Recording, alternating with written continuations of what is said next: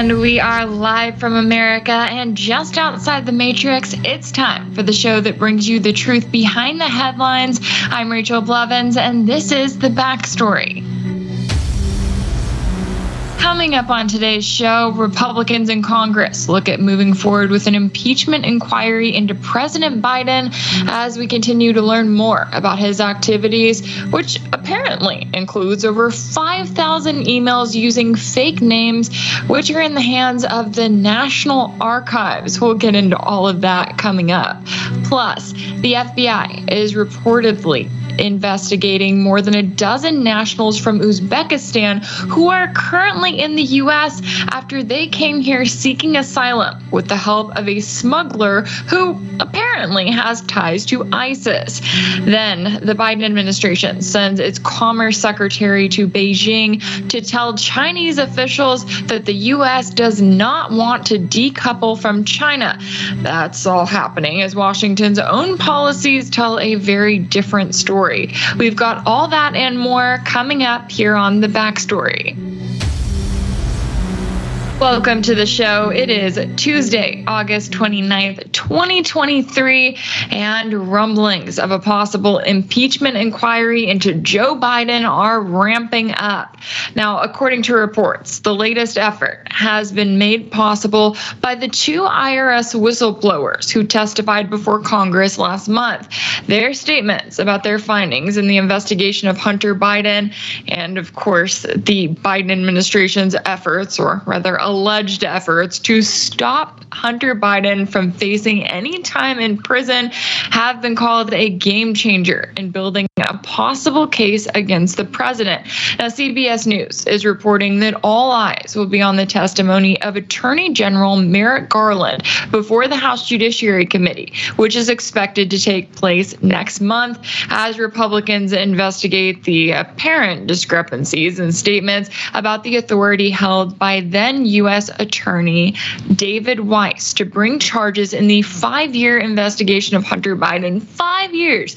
They have been going at this. Now, as a reminder, back in June, Garland had said that Weiss would be able to, quote, make a decision to prosecute any way in which he wanted and in any district in which he wanted to. But then in August, all of a sudden, Garland said that Weiss had information, had informed him rather, that his investigation had reached a stage where he believed his work should be continued, should continue as special counsel, and he then asked for the designation. Now, Garland said he concluded it was quote unquote in the public interest to appoint Weiss as special counsel, giving him expanded powers to continue the probe in light of the extraordinary circumstances of the case. But the two IRS whistleblowers, that being IRS supervisory agent Gary Shapley and case agent Joseph Ziegler, say that Weiss had said he did not have the ultimate authority to bring charges and had been denied special counsel status. The whistleblowers started speaking, speaking out after they believed that their investigation would result in Hunter Biden facing charges only for reports to then indicate that he was being set up with a very light plea deal in which he would plead guilty to just two misdemeanor crimes of failure to pay more than $100,000 in taxes from over $1.5 million in income in both 2017 and 2018. Can you imagine if the average American failed to pay more than $100,000 in taxes? The IRS would be at your doorstep. They would not be messing around with a five year long investigation and a possible plea deal. But on top of that, if Hunter Biden complied and stayed clean, which may be difficult for him, during a couple of years of probation, then he would also get a felony gun charge wiped off his record, which of course normally carries up to 10 years in prison. Now, as we know, that deal eventually fell apart when the judge in the case was presented with the agreement and said quote it seems to me like you are saying just rubber stamp the agreement your honor. And that is exactly what they were saying. They were not expecting a judge to get involved and to raise some rather legitimate questions about why this plea deal existed in the first place. But of course, the question of how Hunter went from facing decades in prison to the hopes of a light plea deal and how much intervention there was from his dad's administration is now at the center of it all. And the ways in which Joe Biden used his influence to his advantage certainly don't stop there. So we heard from House Speaker Kevin McCarthy, who is now calling an impeachment inquiry a natural step forward. Let's take a listen to what Kevin McCarthy had to say during a recent appearance on Fox News. America. But now, when you look at this, it looks like a culture of corruption that's been happening within the entire Biden family.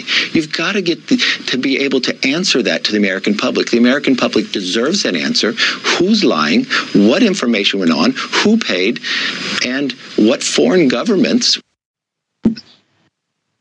a culture of corruption. All right, you've got a Republican leader saying that, but of course, not surprisingly, the White House has been quick to respond to this all, calling the Republicans' investigation into the Biden family's business dealings a crazy exercise that is rooted not in facts and truth, but partisan shamelessness. All right, speaking of some partisan shamelessness, some Democrats are also not surprisingly coming to Biden's defense, such as Congressman Ro Khanna, who took to MSNBC to say the following following. Let's listen to what Ro Khanna had to say about it. The American people know the facts. Joe Biden, there's not a single shred of evidence that a single payment went to President Biden. And Donald Trump's post reveals everything. It's total politics. It's because he was impeached twice and he's running in 2024. They want to try to bloody up the president for 2024. This is all politics and has nothing to do either with the law or helping the American public. Right. It appears that that congressman, at least, has only been tuning into MSNBC, and maybe he's missed a few things. Maybe he needs to spend some time listening to Sputnik Radio. But when it comes to all of these details that have come to light, I mean, we're talking about Hunter Biden's emails, his laptop files that have arguably scarred a lot of us for life, if you've seen them. But to act as though Joe and Hunter were just these separate entities living on separate planets is to ignore just about every shred of evidence that has come to light about how they both profited handsomely from using Joe's position as then vice president and the foreign business dealings they made as a result. Of course, not only was Hunter not paying taxes, but they were also completely ignoring the existence of the Foreign Agents Registration Act, but that is a different rant for a different day. However, when it comes to how much the American people are paying to maintain Hunter Biden's current lifestyle and the so called Biden brand, we did get an official response from the White House. So here is what the White House spokesperson had to say in, in response to this question about the Biden brand. Let's take a listen. The Secret Service is paying $16,000 a month now to stage near Hunter Biden in Malibu. Who's paying for that? That's a question for the Secret Service. Okay, Hunter Biden is reportedly selling art to pay for his $15,800 a month rent in Malibu. How can you guarantee that people are not going to be buying this art to gain favor with the president? That is a question for Hunter Biden and his representatives. It's, it's I, I know. I hear. I hear. White House, we know I hear your art question. buyers got a job from the Biden administration. Can you guarantee that there is I no hear. I hear your question. I'm not going to get involved in this. That is a question for Hunter Biden's So, representatives. but we know that uh, from a Hunter Biden associate now that he sold the appearance of access to then Vice President Biden. Are you confident that he has stopped doing that? that is a question for Hunter Biden. If somebody is selling the appearance of access That to the White House, that that's is- a question for the White House. No, that is that is your um, your I don't know how you're perceiving That's my that. reading of it. It's I- testimony I- Devon I- Archer. He said. I am just not, Peter. I'm just not going to get into this. I'm just not. So, this testimony, since the last time that I was in here, uh, Devon Archer talks about how he and Hunter Biden tried to profit off the Biden brand. What is the Biden brand? Not going to get into it from here. I'm not going to get into it from here. We're going to move on. Go ahead. You've gotta love the good old I hear your question, then basically saying I'm not going to answer it, which was a lot of that there. But those are legitimate questions that arguably more members of the mainstream media should be asking, but notably are not.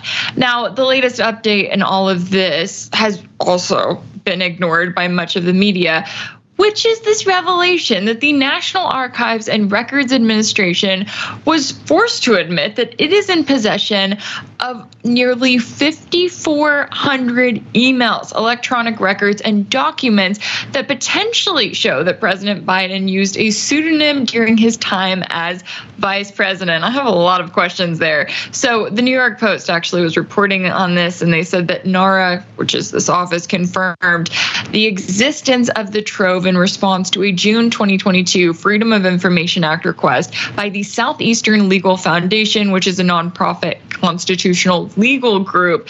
Now, the request sought emails pertaining to the accounts of a Robin Ware, Robert L. Peters, and J.R.B. Ware, all pseudonyms for the president, or that he was known to use in the White House during his time as Obama's vice president. Interesting choice there. Now, in order to get into all of this, I want to bring in our first guest of the hour, which is Ted Rall. He's a political cartoonist, syndicated columnist, and co host of The Final Countdown, which airs right here on Radio Sputnik every weekday from 10 a.m. to noon Eastern. Ted, it's great to have you on the show today. It's really good to be here. Thanks for having me. You know, I guess I could ask you if you had to pick a pseudonym, what would it be? But we'll skip over that a little bit and go straight to Carlos Let's Danger. No, it's taken.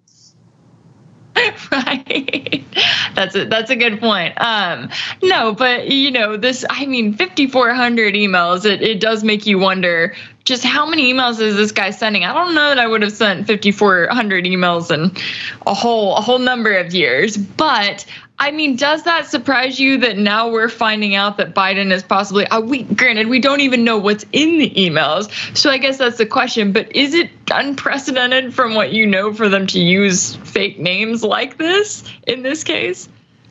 Uh, you know, I'm a, I'm a history major uh, when I went to college at Columbia, and I did some research at the National Archives. And granted, the files that I looked at predated the internet uh, but I have never heard of such a thing. Um, so if uh, Hillary Clinton or anyone else uh, in the internet age who use email personally, or like some older politicians who like sort of tell they dictate emails to their assistants who type them up and then they're then when they get a response they're printed out uh, for these oldsters i suspect that's like what joe biden does um, I, I'm I still have never heard of such a thing. Um, the it's very strange to me that a sitting vice president, or in fact any bold-faced name in U.S. government, would use uh, a pseudonym really for any reason whatsoever. I mean, it may have happened all the time. It's just something I've never heard of.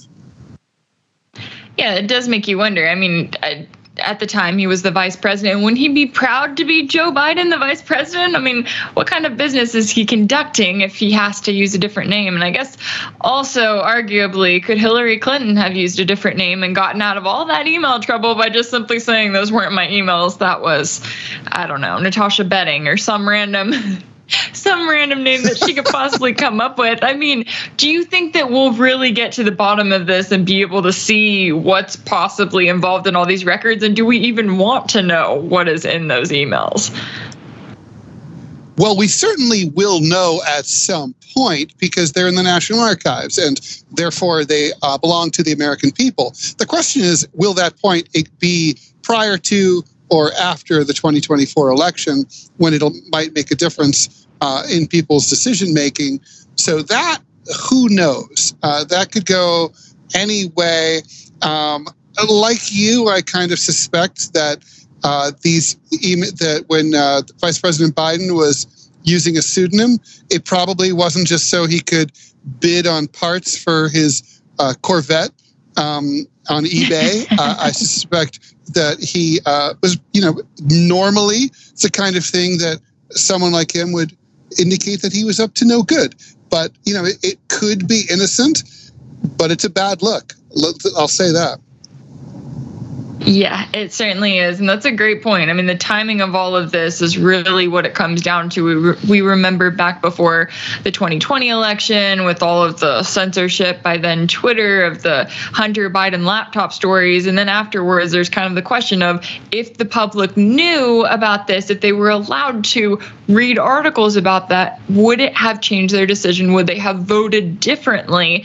Now, I guess the question is when it comes to really this public perception of Joe Biden and his family's business dealings and everything that he did and sort of his past life as the vice president. Now he's the actual president. Do you think that enough information has come to light to really impact public perception? And do you think that the media coverage is still playing a role in that? Well, the media coverage or lack thereof uh, is certainly uh, keeping uh, liberal Democrats and Biden supporters uh, gleefully oblivious of uh, these allegations. And the, you know, when I hear there's no evidence, it's like, well, there's evidence. I mean, you might not want, you might not be proof yet, but it's certainly there certainly is evidence uh, that's worth thinking about and looking at. I, I think that politically, what's going on here is that both sides are, are really siloed, right? In the same way that Trump's people are not being dissuaded uh, from their support uh, by these indictments, uh, Biden's people are pretty much the same way. I think where that is going to change things is in the matter of voter enthusiasm. For people who uh, are kind of holding their nose, uh, progressive leftists, for example, who might be thinking, okay, well, I'm just going to go to the polls and uh, I'm going to do my duty and vote for Biden, even though I don't like it. I'm going to swallow my medicine. Uh, they, uh, you know, these are people who this could be the kind of thing that could cause them to have a Netflix and chill night uh, rather than going to the polls. Uh, it might not be about voting for Trump. Instead, it might just be like depre- uh, have the effect of depressing turnout. I think it's a long way between now and early voting in October. And there's not, it's not going to be possible, even with the careful control uh, over the media, to keep this completely under wraps all that time. There's going to be an impeachment inquiry. I think there will be an impeachment in the House. People are going to know that basically, uh, for everything that Trump did, there's some equivalent that Biden did too, maybe even worse. I mean, I would argue that going to war for Ukraine, a country that basically uh, bribed his son with a no show job, maybe bribed him too, directly or indirectly. That's a, what the founding fathers had in mind when they talk, when they put a bribery provision into the impeachment section of the Constitution. So uh, it could it could have the effect of neutralizing uh, Biden is the idea that Biden is rel- is old but clean and Trump is dirty. It could just be like, well, they're both dirty, and I think I think that's where we're going to end up by November. Yeah, yeah, certainly the Biden family seems as though they could write the case for bribery there. Now, when it comes to, as you noted, the possibility of an impeachment inquiry and what that does is it kind of throws all of this into the mainstream and it forces everyone to talk about it. Because when we look at the media coverage that we've seen especially in recent months Sure, the mainstream media loves to talk about Trump. They know that that gets them ratings. They know that they are more than happy to do it 24 7. And yet it comes to the Biden family scandals, and it seems as though they either don't want to talk about it or they want to make statements like Ro Khanna did and just kind of shrug it off and say, oh, well, you know, it, it, that was Hunter. That was his son. That's a completely different individual. Let's not pay attention to all of this evidence that Joe Biden himself was explicitly involved involved. So when it comes to the possibility of an impeachment inquiry, do you see this really blowing up and being something that possibly has an effect on Joe Biden moving forward? Uh, yeah, I, I do. Um, you know, kind of prolific that really left an impression with me. And he argued, and I think correctly, that it's already been proven that Joe Biden benefited financially uh, from Hunter Biden's activities. And the case basically boils down to this Joe Biden is an old man who's, like all parents, wants to provide for his fa- for his son, for his children, and he's and so he, by participating in lining Hunter's pockets, he effectively benefited himself. I have a I have a son. If you do a favor for my son, I like you a lot, and I'm likely to I'm likely to do think highly of you and take your calls. And I think, and that is a benefit to me. Uh, not even indirectly. I mean, legally, I guess it's indirect. But uh, you know, if I'm on the phone calls uh, at least twenty times, watch reading the emails, it's more than indirectly, right? I mean, I'm basically effectively a co-conspirator in the language of the Georgia RICO case against Trump, or I'm a business partner. Um, but one or the other. Um, but Joe Biden can no longer, even if nothing else surfaces, he can't say that he had nothing to do with this. He had plenty to do with it. And, you know, he participated in an activity that put money into his son's pocket, a considerable amount of money, and may have put money, in, in, in a sense, that's kind of like putting money directly into pocket.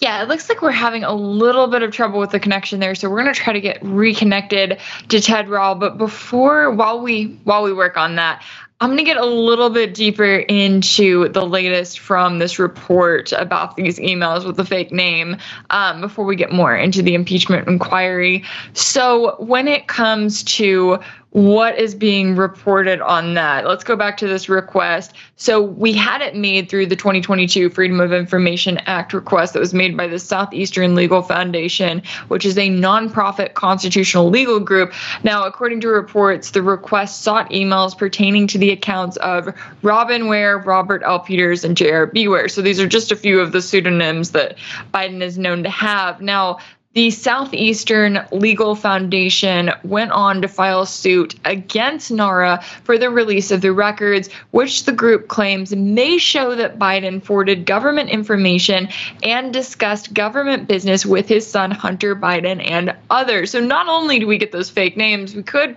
also get more discussion of business and again, another reminder of just how involved Joe Biden was in all of this.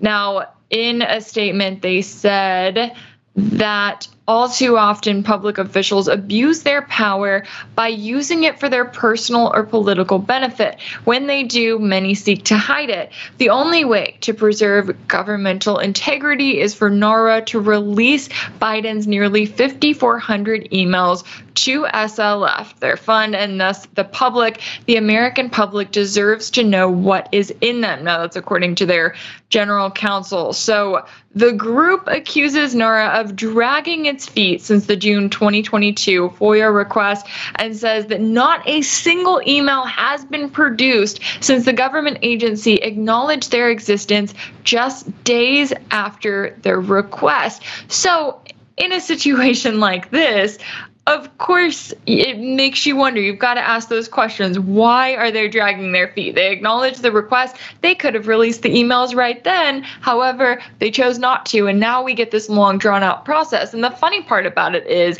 that if hypothetically they had released those emails back in the summer of 2022 when they were requested, well, that would have been at a time when the Biden administration was even more focused on Ukraine than it is right now, if you can believe that. And that may have been at a time when it could have arguably slipped under the news cycle just a little bit more. And if it had done that, then that could put us in a situation where they released the emails, we moved on, we're not talking about it as much. But now we're in a time when the 2024 election is right around the corner. We're talking about a possible impeachment inquiry into President Biden. We've got these two IRS whistleblowers who are speaking out, who are giving insight into just how involved Joe Biden was in his son's foreign business dealings, foreign illegal business dealings that he did not pay taxes on. And we're in a situation where now it's putting the National Archives in a situation they they're having to figure out when do we release these emails because they've i mean they could drag it out for as long as they possibly can. So let's get into more what is said. So the lawsuit went on to say quote we have performed a search of our collection for vice presidential records related to your june 9th 2022 search. I believe this is what they're saying um, that the that's right. They're saying that the director of NARA's uh, operations division responded with this. That's what the lawsuit is noting saying quote we have performed that search and have identified approximately 5138 email messages 25 electronic files and 200 pages of potentially responsive records that must be processed in order to respond to your request. So she's saying they have to go through those. So there is a chance that they could go through and try to, you know, redact as much information as possible. But the question then becomes what are they going to take off as sensitive information and what is the result of all of that? So the reports on it go on to say that earlier this month, House Oversight Committee Chairman James Comer demanded that NARA hand over any unredacted records in which Joe Biden used a pseudonym during his vice presidency as part of his probe into the role the former vice president played in Hunter Biden's foreign business dealings. Now, emails previously released by the archives and retrieved from Hunter's abandoned laptop reveal that Joe Biden used the email, dra- email address Robert L. Peters at PCI.gov while he was Obama's second in command, and that his aide John Flynn CC'd Hunter on 10 emails containing the elder Biden's daily schedule between May 18th and June 15th of 2016. All right, I believe we have Ted Rall back on the line. Ted, can you hear me okay on your end? Yes, you sound great. Okay, perfect. Sorry about the connection problems there. So, when it comes to the situation, I believe we were talking about, you know, the possibility of moving forward with an impeachment inquiry, how the public views the Biden family. Uh, what what else would you say about that when it comes to just what information the public has been allowed to have access to, at least through the media, when it comes to all of this? Well, there hasn't been much. And, uh, you know, Speaker McCarthy said in his statement that I think you played that basically uh, the, the, the inquiry would be a way for the committee to learn more, namely the House Oversight Committee and House Republicans writ large. And, and that's true, but I think the more potent uh, purpose of this will be to uh, draw attention in the media in a way to something that can't be ignored. Uh, the mo- most people just on the left are not following the story, uh, even, and they can be forgiven for that because it hasn't been covered uh, robustly, to say the least, in places like the New York Times or CBS Evening News or MSNBC or anything like that, except to be ridiculed as sort of like the new Benghazi, like you roll your eyes and oh yeah, Hunter Biden's laptop. Uh, when all this comes to light, I think uh, I think there will be. It's not conventional wisdom that there will be an impeachment, but I think the House will impeach Biden. I think he will not be convicted in the Senate. Here we go again, right? Just another routine impeachment of a president. But it's going to, from the Republican standpoint, have the the, the effect of inoculating Trump against the charge that he's a a unique scoundrel, at least unique among the two candidates who are running for president next year. So uh, it, will be pretty valuable for the Republicans. It will dampen enthusiasm for Biden. And I think, I think honestly, if people really focused on the fact that uh, the U.S. is involved in a proxy war on behalf of a country uh, who, you know, that that was involved in a corrupt business deal with the sitting president of the United States, um, that is something that is pretty gross. And even if you think that what Trump did was gross, so is this. And you could argue that it's worse. Um, you'd be hard pressed to argue that it's trivial or comparatively trivial. So I, I think it's good. I think it's a bombshell. Um, I, I think Biden can't escape it, and it's entirely possible that Biden will not be able to run for reelection. Yeah, yeah, that's a great point. And then the Democrats may be left scrambling a little bit there. But when it comes to, you know, independent voters here, right, we look at yet another round of Trump versus insert Democrat here. In this case, that's Biden. And you've got people that will vote for Trump because they love Trump. They'll vote for Biden because they don't love Trump and it's like we're stuck in this endless cycle it feels like. Where do you think that that puts independent voters in america who say that they're not republican not democrat? And do you see the possibility of them turning to a third party candidate whoever that may be? Well, yeah, it's a it's a hate off, and uh, it's been getting worse and worse every year. I mean, to the extent that independents or, or people who are truly undecided still exist in significant numbers, um, I think a lot of them are just not voting, and uh, you're going to see a lot of that. I mean, the problem for third parties is ballot access in places like New York, uh, where even the Greens will not be on the ballot this year because of the low per- or next year because of the low performance of Howie Hawkins in the most in the 2020 election. Not his fault.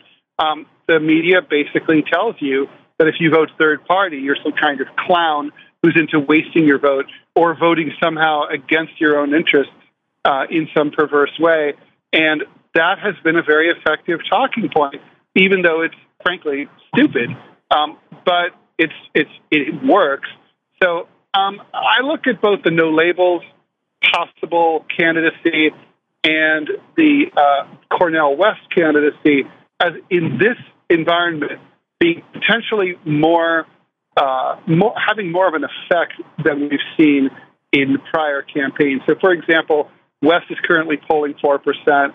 Uh, we don't. We uh, no labels will all be about which who's running, uh, if anyone. Um, but there's been an interesting comparison uh, that appeared in. There was a study in Brookings where they compared this 2024 to the 1948 four-way election between Truman, Democrat, Dewey, the Republican, and uh, Strom Thurmond, who was running as a Dixiecrat, and actually won like I think 39 electoral votes, some sizable percentage of the vote, and Henry Wallace, uh, who also I think got like four to five percent of the vote. He was uh, running as a progressive, kind of like an old Robert La Follette type.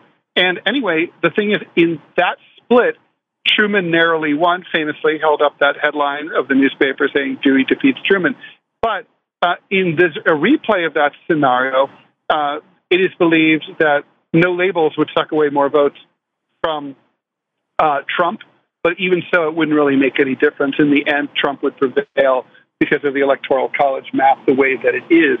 So uh, I think independent voters are have good cause to be to feel that if nothing else, Biden and Trump are old, and I mean not just in terms of their physical age, but they they've already served. They've done. We've seen what they had to say and, and do, and they're ready to see something new and something different. And and they don't want the drama, um, and they may not feel that either of these two men is qualified really, or would be the best person for the job. And if they think that, I would agree with them. so I uh, I think people are desperate for something else and something new, and if the system will let them have it, then they'll jump at it. Yeah, yeah, that's an excellent point. Well, definitely a lot to keep an eye on as we actually get into this election season and everything surrounding it ramps up. Ted Rall, thank you so much for your time and insight today. As a reminder, Ted Rall is a political cartoonist, syndicated columnist, and co host of The Final Countdown, which airs right here on Radio Sputnik every weekday from 10 a.m. to noon Eastern. Ted, thanks so much. Thank you. And it's time now for a quick break. But when we come back, the FBI is reportedly raising the alarm over more than a dozen nationals from Uzbekistan who they say are currently in the U.S. with the help of a smuggler who has ties to ISIS. We'll get into all of that next, right here on The Backstory.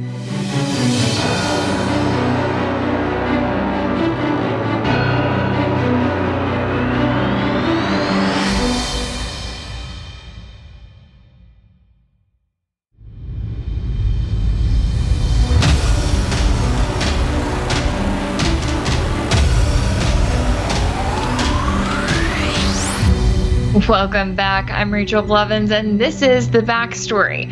All right, our next story here is an interesting one. So, the FBI is reportedly investigating more than a dozen Uzbek nationals allowed into the U.S. after they sought asylum at the southern border with Mexico earlier this year, and a scramble set off when U.S. intelligence officials found that the migrants traveled with the help of a smuggler with ties to ISIS. Now, the story is actually notably coming from CNN, and they are citing multiple anonymous U.S. officials. So it goes on to say that while the FBI says that no specific ISIS plot has been identified, officials are still working to identify and assess all of the individuals who gained entry to the United States, according to a statement from the spokesperson for the National Security Council. And they are closely scrutinizing a number of the migrants as possible criminal threats. Now, the White House was asked about this, and uh, let's take a listen to their response on the possibility that these migrants got into the U.S. with help of an ISIS related smuggler. Karine. How is it possible that an ISIS sympathizer is sneaking people into this country? So, just so that uh, folks, I'm assuming you're speaking to the CNN uh, story, right? Okay, so I just want to make sure that uh, uh, folks who are watching understand the question. So, I just want to be really clear here. So, the intelligence alerted us to a human smuggling network. Uh, we moved fast uh, and and successfully to uh, to uh, successfully to disrupt it. So just want to be very clear that, and we are you being. you disrupted it. Are you saying that you know where all of the people this ISIS sympathizer snuck into the country are? If I can answer the question, I'm sure I'll touch on every everything that you want to ask me. So again, in, intelligence alerted us of this human human uh, smuggling network. We believe and we move fastly and we successfully disrupted it. So let's be very clear about that. And we are grateful. We're very grateful to the law enforcement for their quick work and their vigilance on this. Now, to your other part of the question, smugglers have been detained overseas, including one linked to the foreign terrorist uh, organization. Uh, no sign, there's no sign that any anyone moved by the smuggling network has terrorism connections. So, want to be clear there as well. And what we were able to do as precaution, uh, people brought here by smuggling network are being subject to extra vetting and are all in removal proceeding. And in addition to that, in addition to that, anyone coming across the border outside of the network uh, who matches the profile of those in the smuggling network is subject to uh, extra vetting, detained, and put in expedited removal uh, proceedings as well. You said that Shirley says uh, a little with a lot there, but even in this case where they're claiming that there were no official plots, well, there was one official plot in a different story, but this plot appears to be one to join ISIS. So reports are also noting that a Pakistani doctor has been sentenced to 18 years in prison in the United States for attempting to join and support the Islamic State group. His name is Muhammad Masood. He's 31 years old, a licensed medical doctor from Pakistan, had expressed a quote desire to carry out lone wolf terrorist attacks in the U.S. and tried to travel to Syria through Jordan back in 2020 before his plans were thwarted by COVID restrictions, of all things. That's according to the Department of Justice in their press release. Now, this doctor has been sentenced to 216 months in prison, followed by five years of supervised release. It added that Masood was employed as a research coordinator at a medical clinic in Minnesota under an H 1B visa when he used a quote encrypted messaging application to facilitate his travel overseas to at least attempt to join ISIS. All right, to discuss all of this, let's bring in our next guest, which is Todd Bensman. He is a senior national security fellow with the Center for Immigration Studies and the author of Overrun How Joe Biden Unleashed the Greatest Border Crisis in U.S. History. Todd, it's great to have you on the show today. Good to be here. Thank you. Now, let's start with the story of the FBI investigating more than a dozen nationals from Uzbekistan who apparently got into the U.S. with the help of a smuggler with ties to ISIS. I guess the question is how does something like this happen?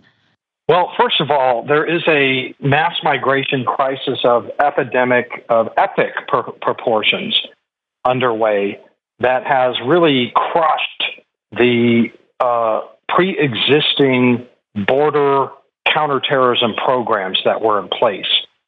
Um, one, what, what, what we can take from this is the fact that we have had more than almost 260 uh, immigrants cross that border who are on the terrorist watch list that we caught with about 1.7 million, 1.8 million gotaways, right? People that got through undetected. So we have no idea uh, who got through, but we have people coming from 160 different countries around the world, other than Central America and Mexico. So, so just the backdrop of the mass migration crisis almost guarantees an elevation of the terrorism threat that people will take advantage of our of our present weakness and get through. Uzbekistanis are um, coming through by the thousands, and so have uh, Central Asians from all over that region. Um, I, I recently met Dagestanis for the first time down there. These are Muslim majority countries.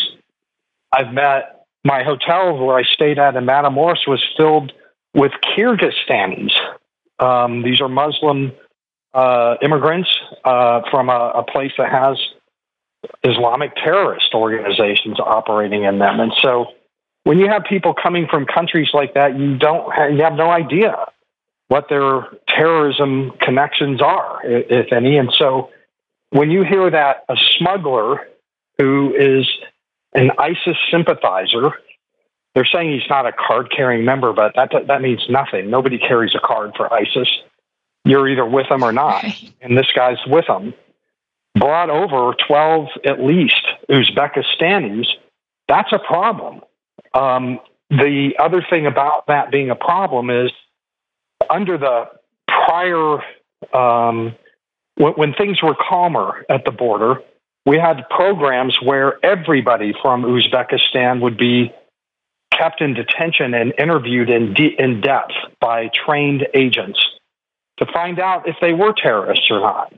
In this case, they were all let through, and we had to chase them down. We're still chasing them down around the country to do the interviews. Well, the interview should have been done on the front end. The fact that we had to chase them down and interview them later tells me that the counterterrorism program for that has collapsed it's failed.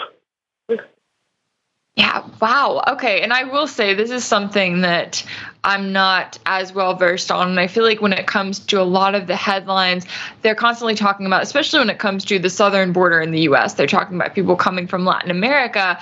What is the draw then when it comes to people from Central Asia and the countries you mentioned that are coming to the US seeking asylum?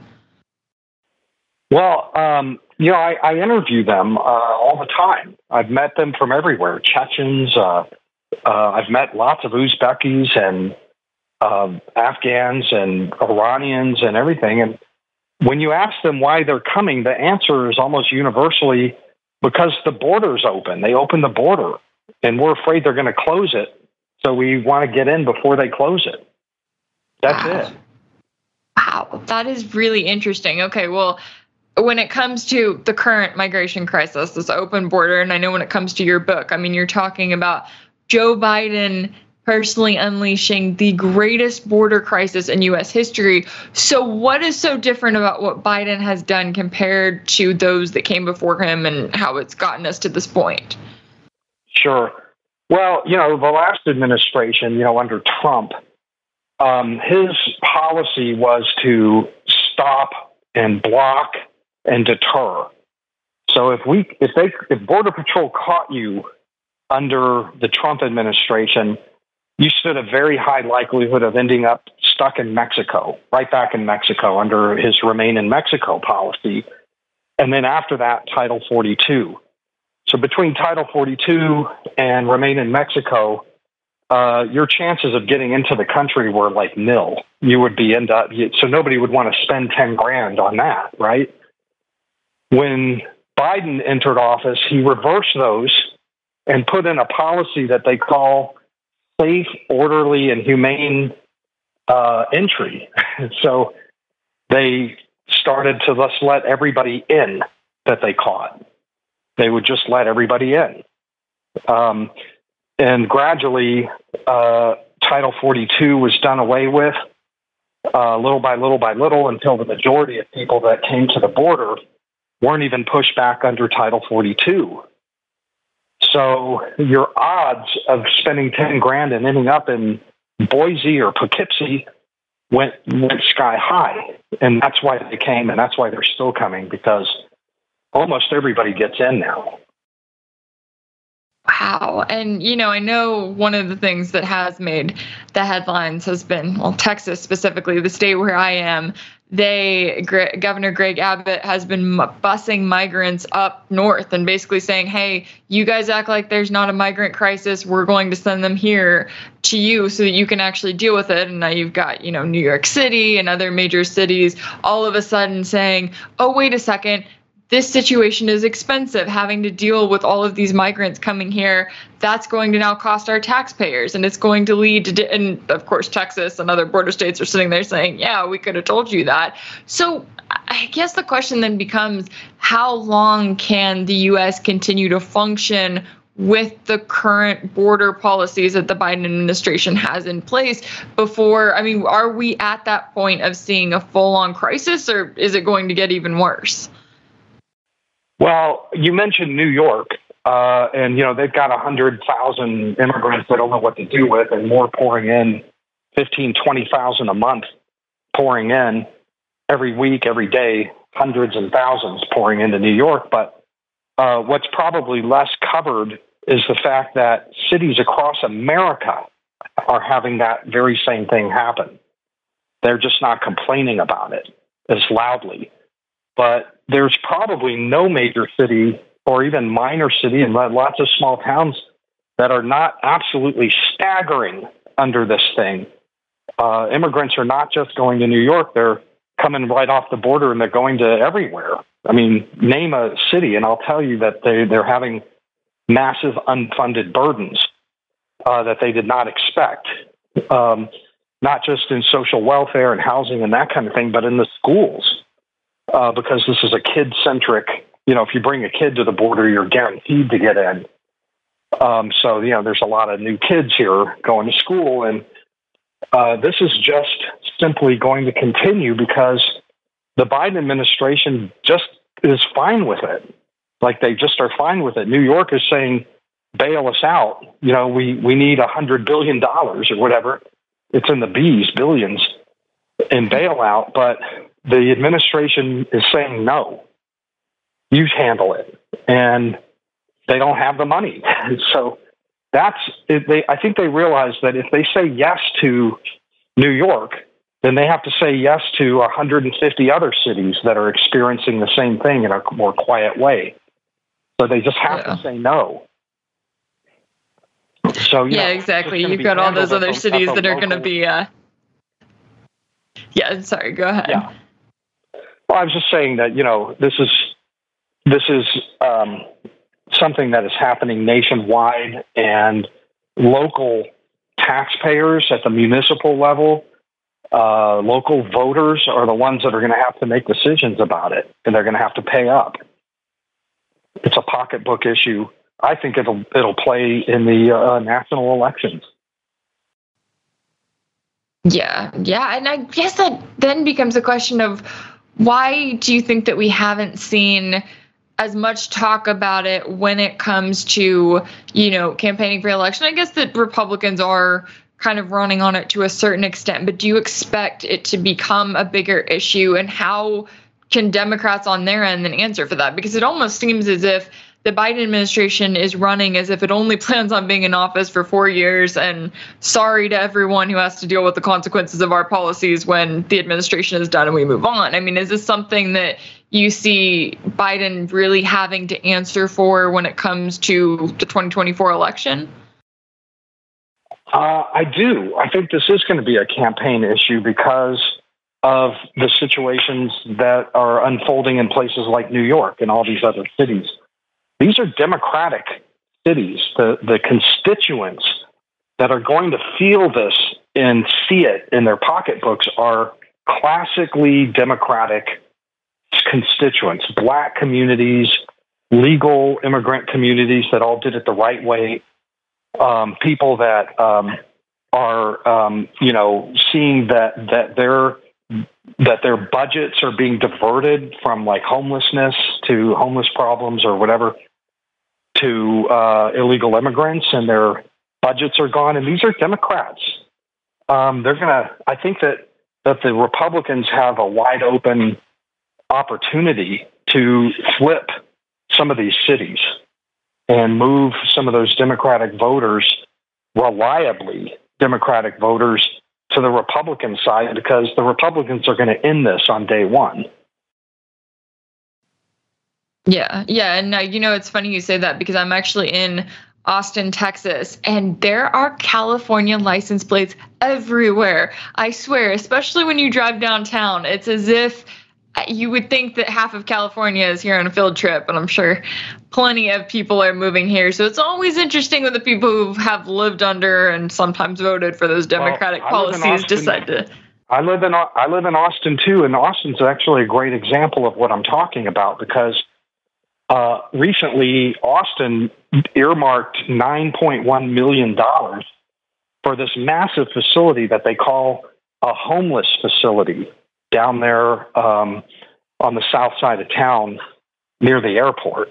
And they say that this is this whole thing was for the homeless problem in Austin, which we know is a se- severe problem. And there are all these coalitions of advocates that work on the homeless problem. But if you drive by that facility, uh, which is just about to open, you'll see that it's for immigrants. I guess technically wow. illegal immigrants are homeless, but that's not how they sold it.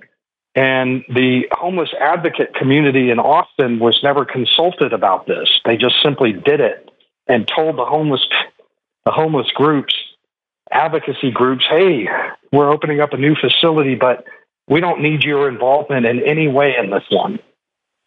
And on the exterior of the facility are vast relief paintings of peasant immigrants working.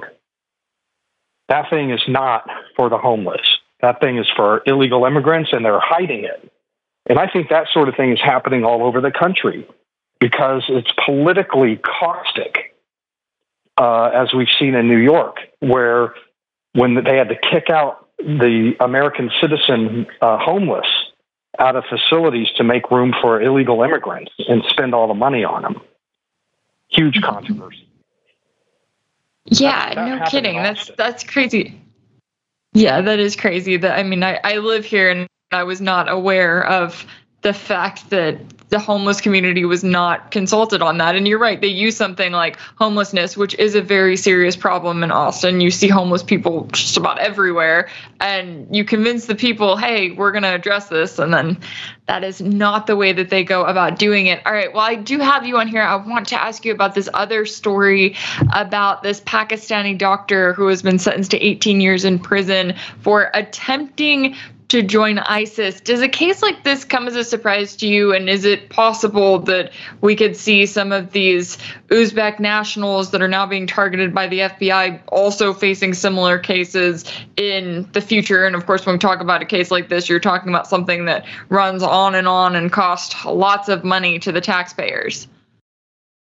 Right. Well, these are very different cases. Uh, you know, he he did not cross the border he came in on what's called an H 1B visa for uh, immigrants that are highly skilled professionals like doctors and computer programmers and engineers and that sort of thing. Um, but there's a very, very large number of H 1B visas that are being handed out under the Biden administration. It was curtailed a lot under Trump for national security reasons.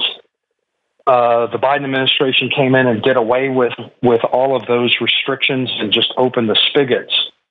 Uh, but in any case, uh, he came in on an H-1B and uh, appears to have been radicalized already before he got here. And he was assigned to he got a, a, gig with the Mayo Clinic, the prestigious Mayo Clinic. He was a surgeon. He was a medical doctor in Pakistan, uh, but he was also a wannabe terrorist and he felt like because he was behind enemy lines, as he put it, on the behind enemy lines, um, I should do a bunch of killing here at the at the Mayo Clinic, and uh, he was kind of planning to do that, and then he eventually got caught uh, plotting these things and um, arrested, and so by writing this this case almost it went under the radar. Nobody's written about this case, but I thought it was important to bring to light. I have a piece in the New York Post uh, yesterday about this because you know the H-1B visa uh, issuance to people like this and from people to people like who come from countries of terrorism concern, it raises a, a vetting issue. You know, how are we doing our national security vetting with all these H-1B visas that we're handing out? And the answer is we're not. We're just not. We don't yeah. do it. Um, so that's that's kind of the issue with this. And I just wanted to point out that you know doctors can be killers too. Um, and my piece goes through a whole long litany of doctors who have turned to terrorism and have murdered and killed, flocked to um, ISIS to join their health ministry, etc. Uh, you know, doctors and highly skilled professionals um, certainly should not be given a pass from security vetting like this guy did. Yeah, yeah, there's certainly a lot at stake here. Unfortunately, we're going to have to leave it at that, but I do hope to have you on again soon to discuss all of these issues and more. Todd Bensman, Senior National Security Fellow with the Center for Immigration Studies and author of Overrun How Joe Biden Unleashed the, Unleashed the Greatest Border Crisis in U.S. History. Thank you so much for your time and insight. Thank you.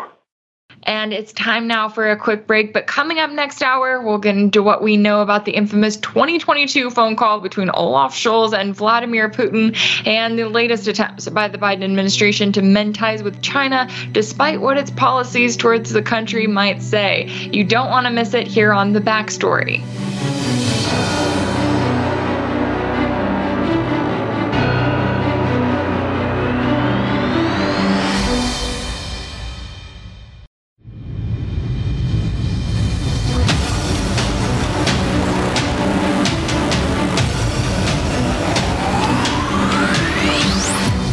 We are live from America and just outside the Matrix. It's time for the show that brings you the truth behind the headlines. I'm Rachel Blevins, and this is The Backstory.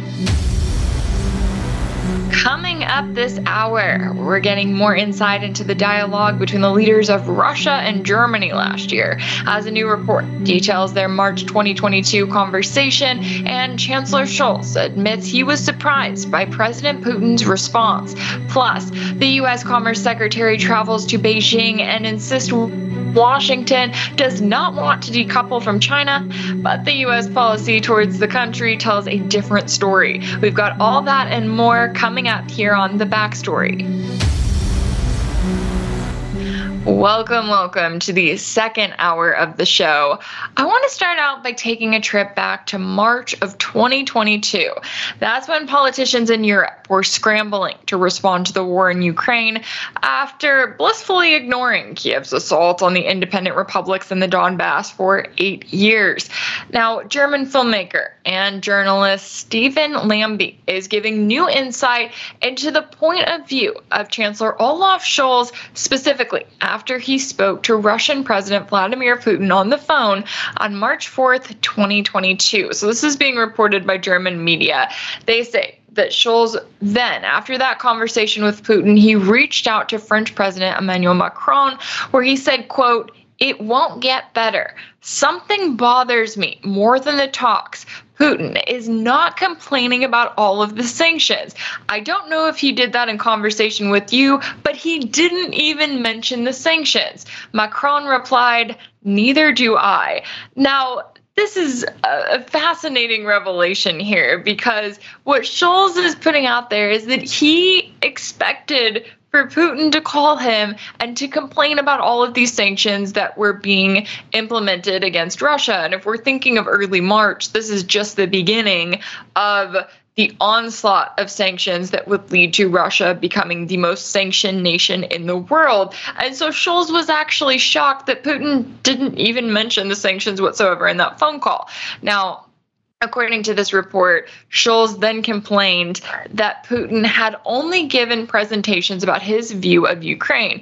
Quote, he told me about all his ideas on how to find a compromise, he spoke of demilitarization and denazification. So, very different than what was being reported in the mainstream media in those days and what was being shown about Putin enacting as if he was on this quest to restore the Soviet Union. You've got the Scholz here saying, hey, Putin was talking to me about how to find a compromise, but that's not something that they were talking about publicly. So Scholz continued to report to Macron, quote, talking about Putin. He asked me to have Crimea recognized as part of Russia and the independence of these republics.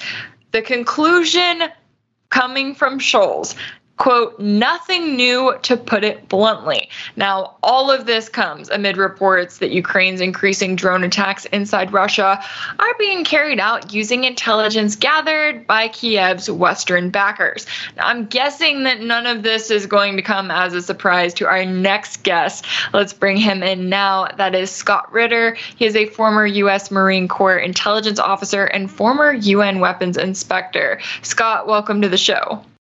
Oh, thank you very much for having me. It's great to have you on. Now, let's start with this apparent conversation between Scholz and Macron from March 2022. You've got Scholz saying that he was particularly bothered by the fact that when he talked to the Russian president, Putin didn't even bring up all of the sanctions the West was imposing against his country at the time. Do you think Scholz was just expecting Putin to call and essentially beg for mercy by way of sanctions at that point? I think so. I think the expectation in the West, uh, not just in Germany, but in France and the United States, was that these sanctions would um, would scare Putin, would intimidate Russia, and that uh, the Russians would be desperate to seek a, um, a negotiated end to the conflict uh, in order to avoid the um, you know the, the the damage that these sanctions would inflict on the Russian economy. And uh, I mean, if that that's what you're expecting, that's like buying somebody the you know the, the the greatest Christmas gift ever that you thought, and it's under the tree, and they don't even comment on it because it's not the greatest Christmas gift ever. The threat of sanctions was not the threat that they thought it would be. Yeah. Yeah, and it, I also thought it was interesting there that Scholz said, quote, nothing new to put it bluntly, indicating that he is the chancellor of the EU's largest economy and he expected i guess he expected putin to just fold but arguably if that's the case he wasn't actually paying attention to vladimir putin and what he's been saying all along because putin's rhetoric really hasn't changed. When you look at what he's been saying when you look at even what Scholz brought up in this conversation when he's talking about crimea when he's talking about recognizing what was then the republics in the donbass these are things that Putin has been saying for years, right? I mean, do you think that Scholz just was not literally paying attention to his opponent in this case? Well, let's just keep in mind that Scholz is, was a, a relatively newcomer.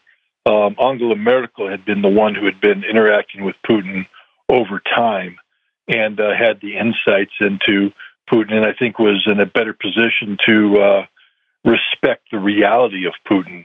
Uh, Scholz um, was not as well briefed, and I think that he was susceptible to um, the Russophobic uh, Putinology that uh, that exists in the West. That is uh, oversimplified Putin, uh, turned him into a cartoon caricature, and um, uh, put on his person uh, the various prejudices of the West against him. So he you know, he becomes a, a very simple character uh, with um, goals and objectives that uh, are supposed to be that of a former intelligence officer seeking to dominate the world through, you know, subterfuge and, and intrigue, uh, instead of the reality of who the president of Russia is, this very serious man who has governed Russia effectively for more than two decades, led Russia out of the abyss of the 1990s, put Russia back on its own two feet, and did so with a realism and pragmatism uh, that not only reflects, you know, the domestic reality of Russia, but also the global uh, reality of, of, you know of the world that Russia lives in. Putin has been very honest, very direct, very upfront. You can listen to his speeches, you can read, uh, you know, his presentations, and you can be certain that what he says is what he means, and what he means is what he's going to do. So I, I find it uh, perplexing when Putin has put so much out there about what his goals, objectives, and intentions are, and then people have the audacity to uh, to, to to believe it's going to be something else. He's not playing games here. He's uh, a very serious leader of a very serious nation, um, and the gamesmanship that I guess has become uh, par for the course here in the West. It just doesn't exist uh, in Russia insofar as it comes to Putin's dealing with the rest of the world. Look at the Munich 2007 speech. No punches pulled there. Straight, in your face, realistic discussion. But nobody paid attention to it. They ignored it. They wanted to believe what they wanted to believe. They don't want to believe the reality. And I think that Olaf Scholz fell into that trap. Yeah, it certainly seems like it. And it also seems like the US took advantage of his newness. Because, I mean, you think back to Angela Merkel, for all of the things that you can say about her, she guarded those Nord Stream pipelines and she was not going to fold when you had the Trump administration in there trying to, you know, persuade her to get away from Nord Stream 2, not to let it be built. She was not messing with that because she knew that how important it was for the country of Germany and really for their standing in Europe. So, do you think this is one of those cases where the Biden administration saw a shot and they essentially took it when it came to Olaf Scholz and how easy it was to just say, okay, look over here. This is the version of Putin that we want you to pay attention to, instead of what Scholz should have been doing, which was looking at what Merkel did and wondering, hey, why has she acted the way that she's acted as it pertains to Russia, as it pertains to Nord Stream, and really just her overall foreign policy? Yeah, I think the the thing about Merkel, and like you said, um, you know, not trying to put her on a pedestal and paint her as the perfect leader, but she had a wealth of experience. Um, she knew more about Vladimir Putin than any American president, all American presidents combined. And so when she met with an American president, um, you know, she couldn't be fooled. She couldn't be tricked. She couldn't be misled. If people tried to say, well, this is our take on Putin, she'd say, well, no, I've actually met him last month or I've met him before. Or, this is my understanding based upon my own personal uh, interactions with Putin. They spoke often, they met often. So she couldn't be um, misled by you know, America coming and saying, we're the United States, we know best. Olaf Scholz, on the other hand, didn't have that experience. And I do believe that he, you know, understood that he was the junior partner and that uh, therefore he would be taking guidance from his Lord and Master, the United States. And, uh, and that's why I think, um, you know, Scholz fell into the, the logic trap uh, set by the United States where you have um, incorrect assumptions made about Putin's behavior and the reasoning behind this behavior that so far deviated from reality uh, that left Olaf Scholz confused when confronted by reality. As in, well, why isn't he even talking about sanctions? I don't understand this. Well, it's because he didn't care about your sanctions. It didn't register on his radar. He wasn't going to negotiate with you. He wasn't going to behave the way you. That I think this applies across the board. If we take a look at this entire conflict, the reason for this conflict is because the collective West um, made assumptions about Putin, wasn't listening to what Putin was saying, uh, and therefore um, have themselves fallen into a trap where the sanctions have backfired. Um, the Russians are, in fact, prevailing on the battlefield, and the strategic defeat that will occur because of this conflict will not be the strategic defeat of Russia, but the, the strategic defeat of the collective West. Yeah, yeah, that's what I mean. That's what they get for funding this proxy war, but of course it's not a proxy war. But yet that brings us into this other story that we were talking about, which is this new report that Western intelligence is playing a role in the drone strikes that Kiev is carrying out inside Russia.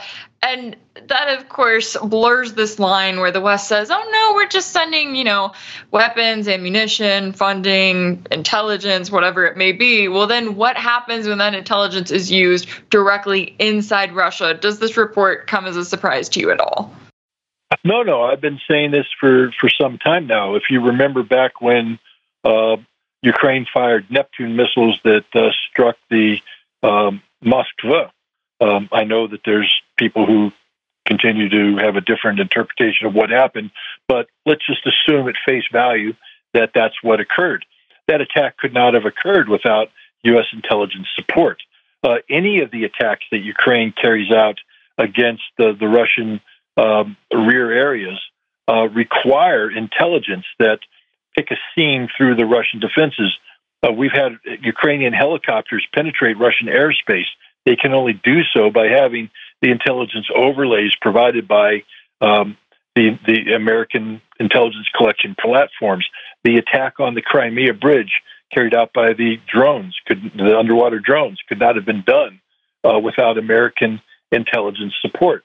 This is just a statement of fact. The targeting of Russian uh, command posts and uh, logistics places by HIMARS and other long range uh, artillery systems could not happen without the intelligence collected by United States collection platforms. This has been part of this war from day one. The Ukrainians simply could not do what they have done without the intelligence support. And the frustrating thing from the Russian perspective is that because technically, at least, um, they are Russia is not at war with NATO. There's not anything Russia can do when an RC-135 uh, signals intelligence platform flies on the NATO side of the Polish border, uh, collecting uh, actionable intelligence uh, on the Russians that's then transferred to the Ukrainians. Uh, when the drones, uh, you remember the drone that Russia brought down with the uh, gas dump um, over on Crimea. The, the the platform, the SIGINT platform that was on that drone, which may have been recovered by the Russians, was collecting intelligence specifically useful for Ukrainian drone strikes of their own. So it, this doesn't take me by surprise at all. It's something I've been saying is going on since day one of this conflict. What's rare is to have um, the media uh, come out and publicly say the same thing. Uh, I, I, think what, what's happening here is that the the United States has become so comfortable with the continuous challenging of Russia's red lines that um, they're no longer afraid to state the obvious because I think they understand that Russia's in the escalation management business and that Russia's not going to overreact to these provocations. Plus, at this time when everything is going badly for the United States in terms of the support they provided to Ukraine, uh, having something to brag about um, is is uh, an ego booster, and so that's why you're seeing these reports because it's the only thing the United States can brag about is the intelligence that they provide that enables Ukraine to carry out these attacks. Yeah, yeah, that's a good way to put it. And you know, looking at it was interesting because Zelensky did an interview over the weekend, and he was specifically asked about like why why aren't you trying to take the war further into Russian territory? And he said, oh, well, you know, something along the lines of we would could lose Western support. But do you think that that's something that he's genuinely concerned about, or do you think that Zelensky is just kind of repeating the talking points that he's heard, which is don't target here, here, and here, and at least make it look like the U.S. and its Western allies were involved? You know, this is a this is a tough one to answer um, because you know, he's saying the right things, meaning that he's he's playing the game um, in, in, the PR way. But what he does is completely the opposite, and it count it counters.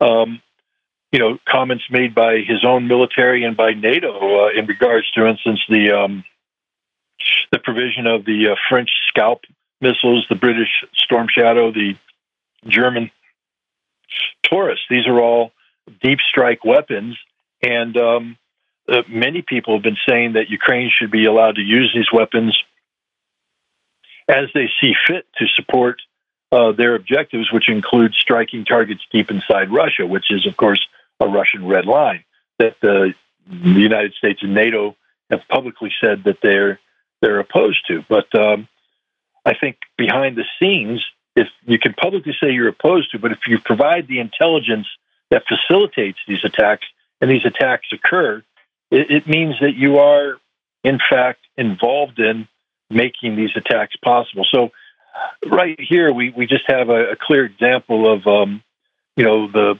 the disparity between what's publicly said about this and what actually happens behind the scenes. The intelligence is provided to Ukraine. Ukraine uses the intelligence as it sees fit, and the West has yet to um, punish Ukraine for carrying out strikes against Russia that, um, on the surface at least, violate Russian red lines. Yeah, it, it is notable to see how in all of these cases, I mean, the Biden administration especially, they try to act as if, oh, well, we didn't know, right? They're like, oh, we didn't know that Ukraine was carrying out this attack or, you know, looking at the Crimean bridge, that sort of thing.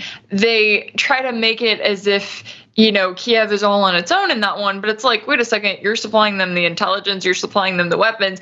It if there is a chance that you weren't paying attention to what they were doing, why are you not reprimanding them and making sure that it doesn't happen again, especially in a situation where civilians are being attacked in civilian areas and that sort of thing, which I guess just goes back to what has been U.S. foreign policy in Ukraine for the last nine years. But I mean, does it surprise you at all anything that you're seeing coming from the Biden administration and their continued support, even as the American people are finally starting to question why the U.S. is continuing to support with all of this lethal aid with what is seemingly a blank check? No, nothing surprises me about the Biden administration. Let me just point out something about um, intelligence. Uh, being a former intelligence officer who has uh, plied my trade in time of war. Um, intelligence, it's not a shotgun approach, meaning uh, we we collect everything and just throw it on the table and say, here, use it. Uh, intelligence is collected as part of uh, a, a, deliberate collection plan where you have an objective. Uh, you've defined the essential elements of information that are needed to accomplish this objective. You break those down into specific uh, intelligence requirements, and those are matched against collection platforms, uh, which are then uh, used to collect the information. It's brought in, it's assessed and packaged in a way that supports the objective. And what I br- mean is, in targeting, um, which is what a lot of these this is done in uh, in, in, in picking a route through enemy air uh, enemy air defense, etc. Um, the intelligence is tailored for the specific objectives. That means that if the Ukrainians are doing something, it means that the United States has tailored an intelligence support package for that mission. So for the United States to say, oh, well, we didn't know about it, we denied it, it's just a bald faced lie because we collected the intelligence. And as I told you, in the intelligence world, it's not just a shotgun approach, throw it on the table and say, sort it out. It is, it is intelligence that is packaged and designed uh, to achieve a given objective. And the United States is aware of every objective the Ukrainians want to achieve when they put forward their intelligence support.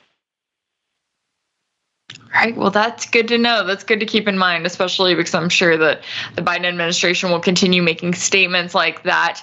Um, and finally, and I really appreciate your time today, I want to get into Zelensky a little bit and the latest that we're hearing from him. He's saying that he expects these so called security guarantees. He specifically used the term the Israeli model. And then at the same time, he's also demanding more money if the West wants to see an election, which I guess you kind of have the election wink wink there. Um, when it comes to Zelensky's position as a whole, what do you make of these calls and really demands for more security guarantees as far as he is concerned? Is this a case where he's saying, hey, if you want me to continue playing the role as your puppet, you're going to have to pay up even more so than you already have been? Yeah, I mean, his back is against the wall, and so he's. Um, he's seeking to pressure the West to uh, to up the ante. Um, you know, he's he's he's saying. I mean, first of all, there's many people in Ukraine that doubt whether or not he would ever have a presidential election during the time of war because there's a good chance he might not win this election, and he um, he knows that. So rather than cancel democracy outright, which would be the honest thing for him to do, he's coming up with excuses about money, etc. Um, and I, I, I don't know how the West is going to respond on that. I, I, I don't know if they'd say, well, here, we're going to call your bluff.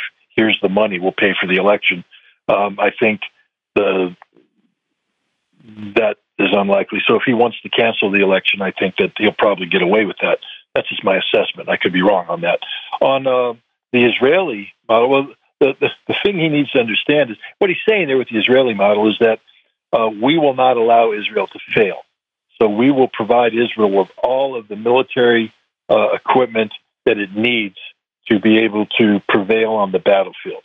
Um, you know, this is uh, something that comes out of the Yom Kippur War, where Israel suffered heavy casualties early on and uh, required the United States to open up its uh, weapons depots in Europe and draw upon uh, war stocks that were, um, you know, dedicated for the defense of NATO instead were drawn down to help Israel because we weren't going to let Israel fail. And so what he wants is that kind of guarantee that as all of his equipment's being blown up on the battlefield, he wants NATO to open up its own arsenals and to draw down its uh, the the equipment that NATO depends upon for the protection of NATO. He wants that to be sent to Ukraine because that's what the Israeli model dictates. What he fails to recognize is what makes the Israeli model viable is that Israel prevails on the battlefield, that we're supplying the winning team. Um, Ukraine is the losing team. Uh, I don't know how successful the Israeli model would be if, as we gave Israel Israel the equipment, uh, the Syrians and the Egyptians and the Jordanians just chewed it up and um, and kept advancing, kept winning. Uh, I, I, don't know if if the Israeli model be sustainable, then it only works if Israel keeps winning. Well, Ukraine ain't Israel. It's not winning, it's losing. And the Israeli model is just not a realistic model. Yeah, yeah, great points there. I really appreciate you joining me and all of your insight on the topic we've covered today and hope to have you back on soon. Scott Ritter, former U.S. Marine Corps intelligence officer and former UN weapons inspector, thanks so much for your time today. Thanks for having me. And uh, let's go now to a quick break. But when we come back, Commerce Secretary Gina Raimondo has had a lot to say during her trip to Beijing. But will it lead to any noticeable policy changes between the world's two largest economies? We're going to get into all of that coming up. You don't want to miss it right here on The Backstory.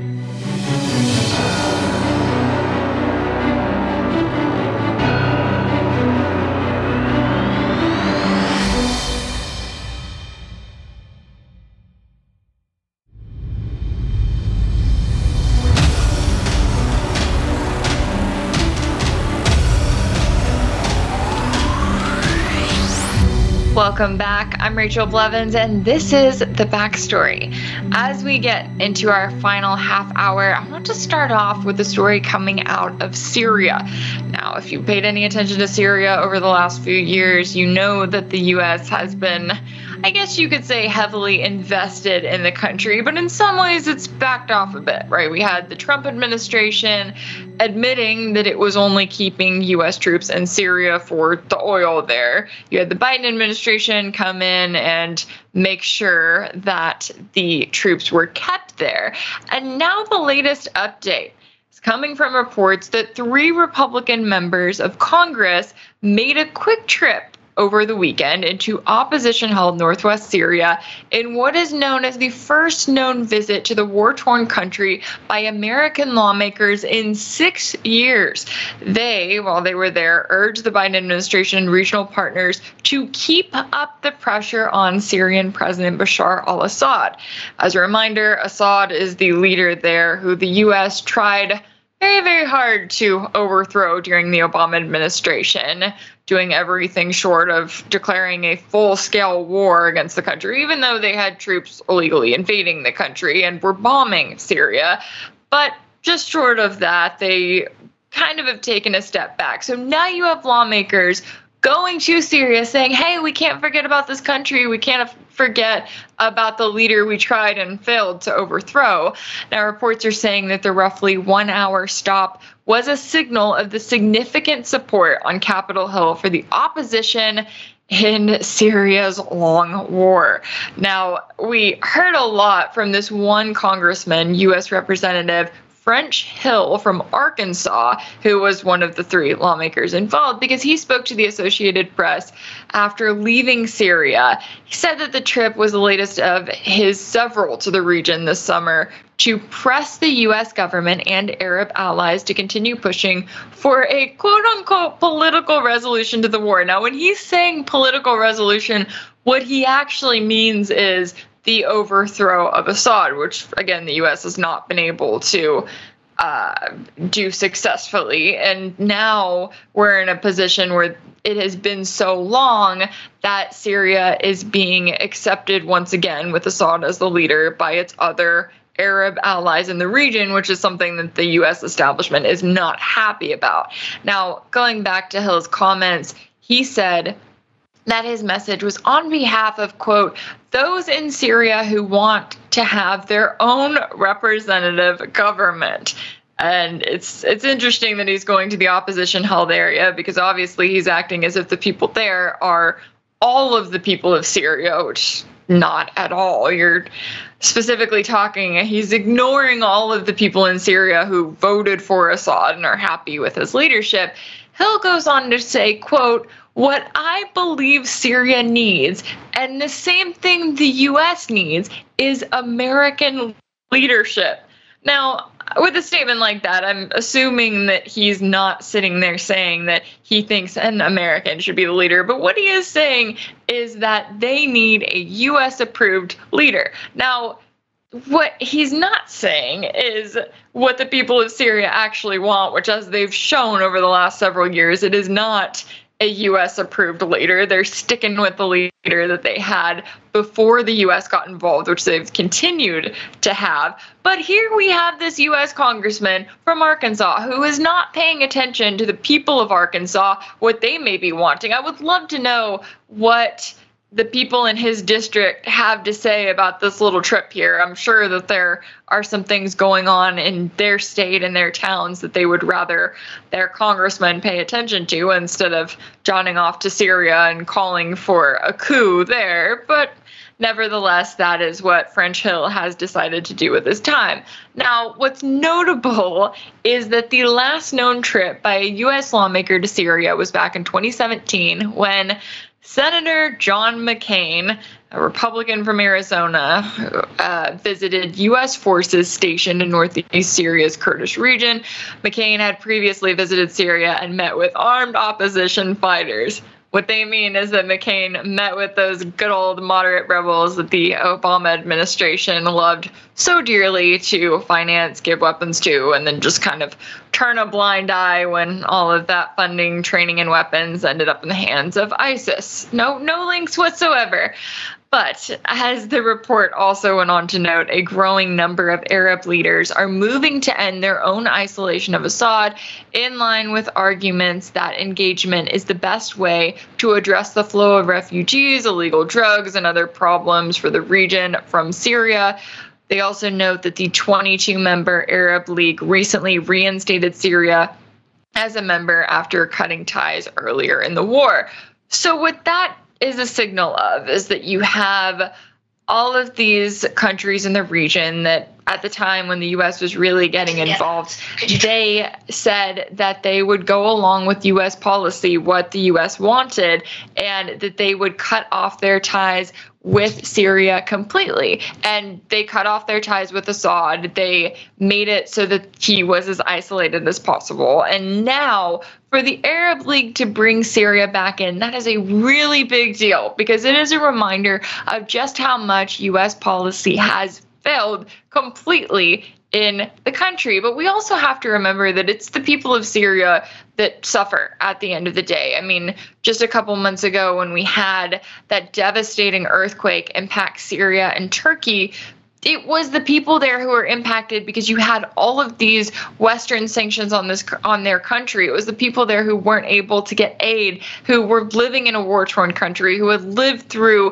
years of US foreign policy impacting their country those are the ones who feel the brunt of all of this at the end of the day. Those are the ones who suffer as a result of it. So that's definitely what we need to keep in mind. But it is so fascinating that we're seeing US lawmakers, even if it's just a one hour trip, going there because it makes you wonder is the Biden administration going to make this one more thing on its agenda? Certainly is possible.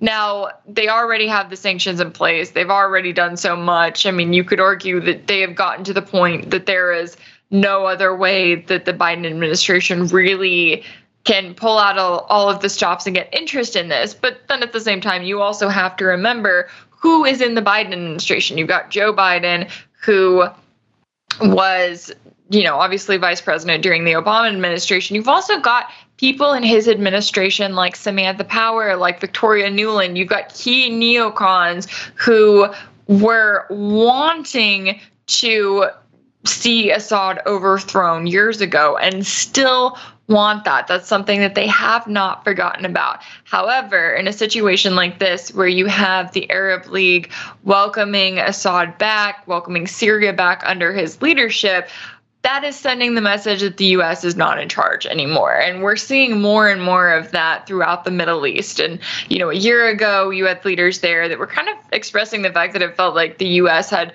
forgotten about them because it was so focused, the Biden administration specifically was so incredibly focused on Ukraine. That was all they could talk about, that was all they could pay attention to.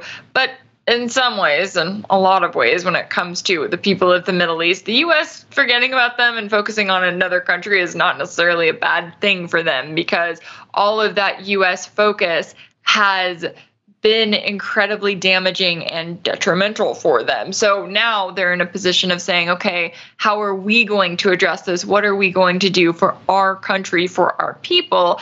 And that's arguably what you're seeing countries like Saudi Arabia and like the UAE now you know, getting closer to joining BRICS early next year. They are expected to become official members that decision alone is such a slap in the face to the United States but it's really not surprising, especially coming from a country like Saudi Arabia, where you've seen the response that they have had to the Biden administration specifically over the last year. The places where the Biden administration wanted Saudi Arabia to cut off ties with Russia, to stop working with Russia as OPEC plus alliance members. They wanted the Saudi kingdom to raise oil output, things like that. And the places where Saudi Arabia just said, no, no, and in some cases, there were reports that they weren't even taking Biden's calls. So this sort of break, this this position that we're seeing the Middle East in right now, really is not coming as a surprise when you pay attention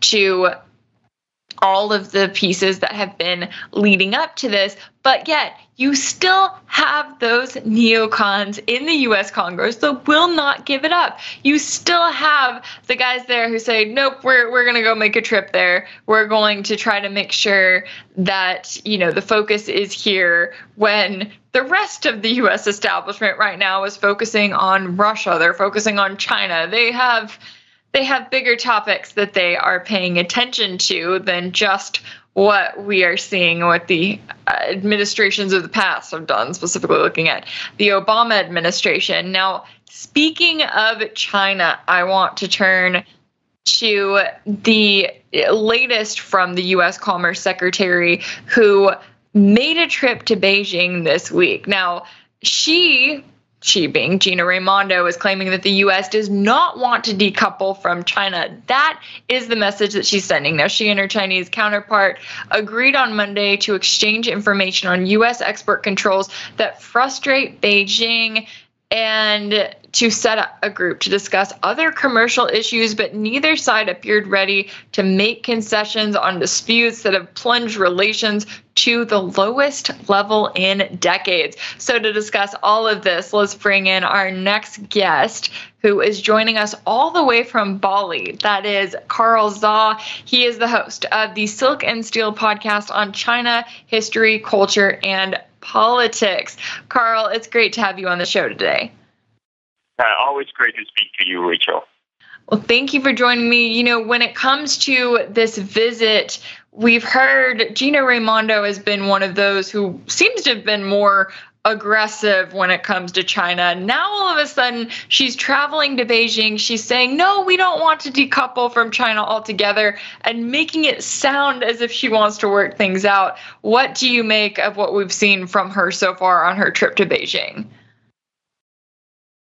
I mean, she's just following the footsteps of Tony Blinken and um, uh, Janet Yellen and John Kerry. Um, she, she's a number. She's a fourth senior officials from Biden administration to visit China. But her message hasn't really changed uh, from that of Janet Yellen, who said, "We don't want to decouple from China. We are de-risking," uh, which really just means the same same thing. And she was adamant, adamant uh, in her talks with her Chinese counterpart that the United States will not yield on national security grounds.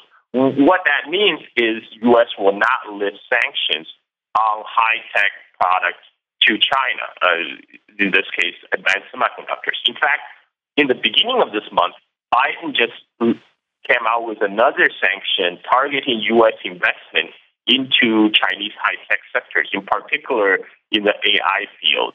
Um, so I, I, don't think that uh, shows a lot of sincerity to the Chinese that the U.S. really means business. Yeah, it certainly is one of those cases of saying one thing and doing another. And I'm glad you brought up the other U.S. officials who have made visits to Beijing. What kind of a message do you see the Biden administration sending right now? I mean, you're talking about Tony Blinken, Janet Yellen, all making these trips, saying nice things, but what is the message they're sending when you compare it to the actual policies that they have in place? I think what they're trying to do is put a floor on the Sino-American relationship, which has been in free fall since uh, five years ago. Uh, but again, this floor is very leaky right now as Biden administration continue to uh, to roll out new sanctions against China while they uh, claim to not decouple. Uh, what they're really saying is we're fine with uh, China making shoes and, and iPhones for us, but we don't want you to venture into high tech sectors like AI that could compete with American firms. We don't want China to progress uh, technologically uh, beyond us. You know, China can progress, but only progress to a certain point. Um, you always have to be a step below us. I, I don't think that's a solution that the Chinese find acceptable. Um, I mean, it's, it's, it's, right now it's not the Chinese side that's putting the restriction on trade. They're rolling out response. Um, you know, they, they're rolling out restriction on Micron and uh, also restriction on two um, two two metal gallium and germanium to United States in response to the U.S. high tech sanctions on semiconductors. So, so Gina Raimondo is in China talk, talking her Chinese counterpart down on those Chinese restrictions, but not yielding on the American restriction that first prompted in the first place. So I um, I think they will have some low hang, lower hanging fruits like uh, you know promoting tourism. Uh, you know she promoted that as a big win, but really that's coming um, after the the pandemic. They're they're talking about restoring the travel between the two countries. I mean that's really the lowest of the low hanging fruit. Um, I don't because I don't really see them making progress on substantial issues. You know, China wants those high tech sanctions lifted, uh, but you, United States is not budging. And um, you know, I so so I mean, in other words, there's not going to be substantial movement in the Sino-American ties in the in the foreseen future. Uh, on the opposite, I mean, this this effect spills beyond just the high tech restrictions because U.S. and China have a very tight uh, coupling economy. And China just imported five billion dollars worth of corn from the United States last year. But now China is looking at the, the U.S. trade and say they can cut us off from semiconductors, they can cut us off from food. China is like now de-risking from United States. They are investing into agricultural business in Brazil, which is a member of the BRICS nations, and now they're trying to get more of their agricultural import from Brazil than United States. And that could pose a serious problem for, for U.S. farmers because um, China has other alternatives like Brazil, but U.S. farmers don't have another market as large as China. Yeah, that's something good to keep in mind. And of course, Brazil, you're talking about another BRICS ally. So it makes sense for China to keep an eye on what Russia would call a friendly country versus someone like the US, where you've seen continued tensions. I want to go back to the responses that we've seen from China, specifically in the case of Micron technology, because Gina Raimondo's talked about that earlier today.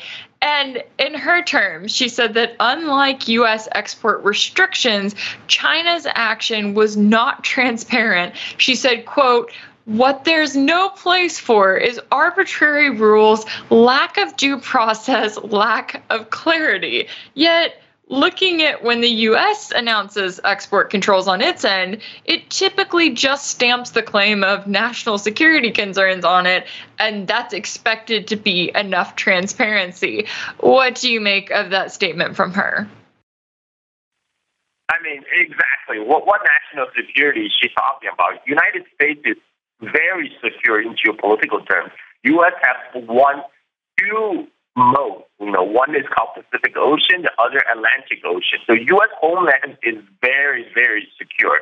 And right now, the, the national security, just this big umbrella, uh, there are they are shoving all the sanctions on China under. I mean, what they're really trying to do is to keep China from progressing, and that's that's well understood in China, both the Chinese leadership and the Chinese people. And this is this is a severely damaging in the, the trust in the Sino-American relationship. This is why China is diversifying away from the United States. You know, the, the de-risking is not one way. Right now, China is de-risking from the United States.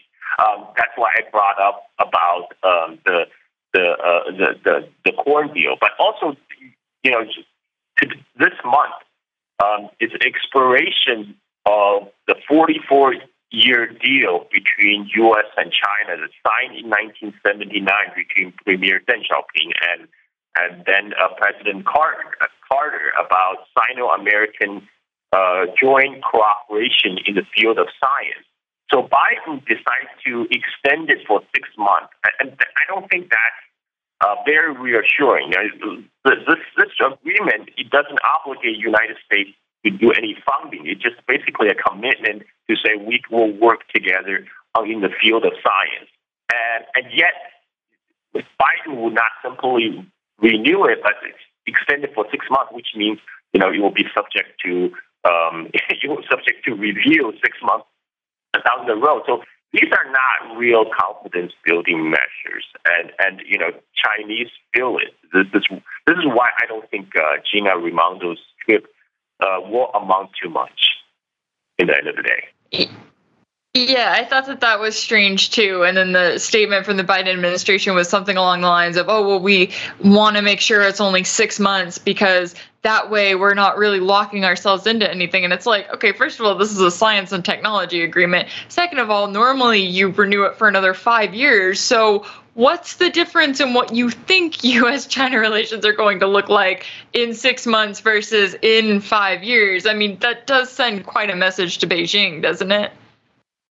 Exactly, and uh, I, I mean, what Biden is looking at, he's looking at the, the U.S. election cycle coming up, and and Beijing also understands it too. So then the question becomes, why do we need to deal with you when you might not be in office a year from now? Um, so so this is where we are. This is why um, kind of some some of these. Uh, um, action by Biden administration is a bit self-defeating, uh, to say the least. Yeah, yeah, that's a good way to put it. Now, when it comes to the Biden administration's overall policy, let's talk about Taiwan a little bit. It seems like, I guess it was a year ago now, just about that you had Nancy Pelosi going to Taiwan, creating an international incident. Since then, a number of lawmakers have gone, and then you have someone like Joe Biden, where he's had, at least what the White House would refer to as a slip up, saying that he would send U.S. troops to Taiwan. Where does that stand? And do you think it's been an important issue in all of these visits that we're seeing, or does it seem as if the focus is more on trade and technology right now?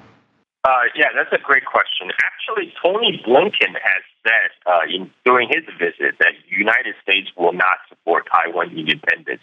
I think that's one measure that uh, the Chinese side really want U- United States to clearly enunciate. Um, you know that they're sticking by their one China principle. So um, this is this is very important issue because that's one issue that could potentially lead to war between two nuclear armed nations. And and so right now it looks like uh, you know Gina Raimondo, of course, been uh, you know focusing on trade. I think her her job is to reassure that um, the rest of the trade with between United, United States and China will go on, except for the ones that focus on advanced semiconductors. But uh, I, I think that's uh, that, that's very naive uh, because like the spill effect is huge. It's, it's, it's really eroding of trust in this relationship because now the Chinese feel if if U.S. can unilaterally level, level sanctions on something as important, they could start cutting off in other area as well. Um, I mean, Raimondo's role is to reassure them, no, we're not cut, cutting off other other areas of our relationship, but you know, it, it really depends on um, how trustworthy they think Biden administration will be six months down the road. Yeah. Yeah, exactly. And that I, I feel like we're all wondering how how trustworthy they will be six months down the road when it comes to just life in general. All right, when it comes specifically to Taiwan, and you mentioned the one China principle, and really the importance of that, it feels as if a number of the lawmakers and the politicians here in the United States have forgotten about that importance. So, will you do me a favor and break it down as if you were talking to a child or a GOP presidential candidate, just how important that one China principle is? Right. The one China principle is actually the cornerstone of the Sino American relationship. It came about with a Nixon visit to China in 1972, Nixon signed the Shanghai Communique with then Chinese Premier Zhou Enlai, um, which states that United States recognize the Chinese people on both sides of the Taiwan Strait, recognize that Taiwan is part of China, and this is a, a Taiwan issue. Is an issue remain to be solved among by the by and among the Chinese themselves. Yeah, and, and this is very it's very clear, unequivocally stating the United States will try to stay out of the business of the unfinished Chinese Civil War, and that was a that was a cornerstone upon which the Sino-American relationship finally became normalized, uh, leading to establishment of the diplomatic ties in 1979. Uh, but right now, there's a lot of uh, backtracking from the U.S. administration started from Trump, but continued under Biden. And now we have GOP candidates, uh, you know, like Vivek Ramaswamy saying that United States, I will recognize Taiwan, um, which is highly, highly provocative, especially in the Chinese eyes, and and it's very destabilizing uh, in the east, uh, in the Western Pacific, and and right now, you know, China and Taiwan issue is a, a legacy issue that resulted from the unfinished Chinese Civil War, but the, the, the two sides have been able to find peace uh, in the last 70 years. And, and, and it's right now, like, it's the U.S. posture that's making it increasingly uh, a fraught with tension. And in fact, the U.S. military, Pentagon, five months ago, just went in front of the U.S. Congress and asked to pass a budget of $842 billion. And their justification is that they need to prepare to fight China. This is very incendiary talk. I mean, you know, I mean, I, I can't see how else would the Chinese leadership see this very, um, very provocative posture.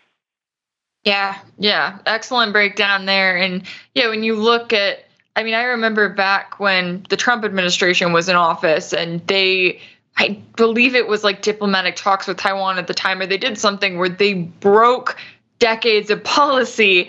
And it was if they just didn't care and didn't pay any attention to the fact that, hey, this principle is in place for a reason. This, you know, the relations between US and China, talking about the world's two largest economies, are incredibly important and they need to be for many more reasons just than Americans getting their cheap iPhones.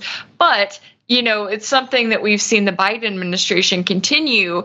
Do you think that coming up in 2024 when looking at the upcoming election that that is going to be something that is a big issue as it relates to China and even possibly to Taiwan when it comes to these contenders who are running for president?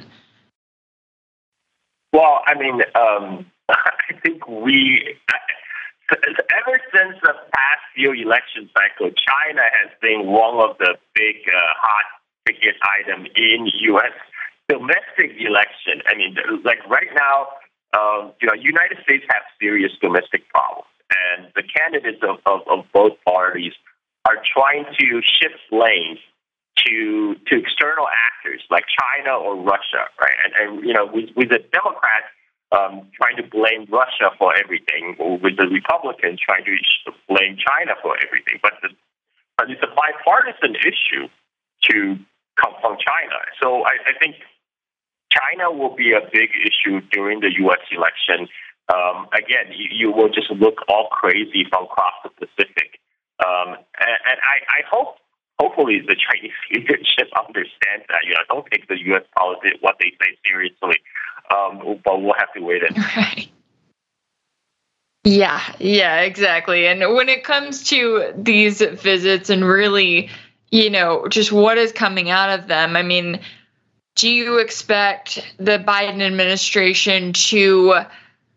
I guess the right wording is to take any steps back, or because they kind of, I mean, they they relented in a couple ways and at least small ways when it came to Gina Raimondo's visit. But do you expect to see any significant changes between the US and China as we move forward with the Biden administration, maybe trying to curry some favor in that election? We've got about a minute left. So, final word to you on this one.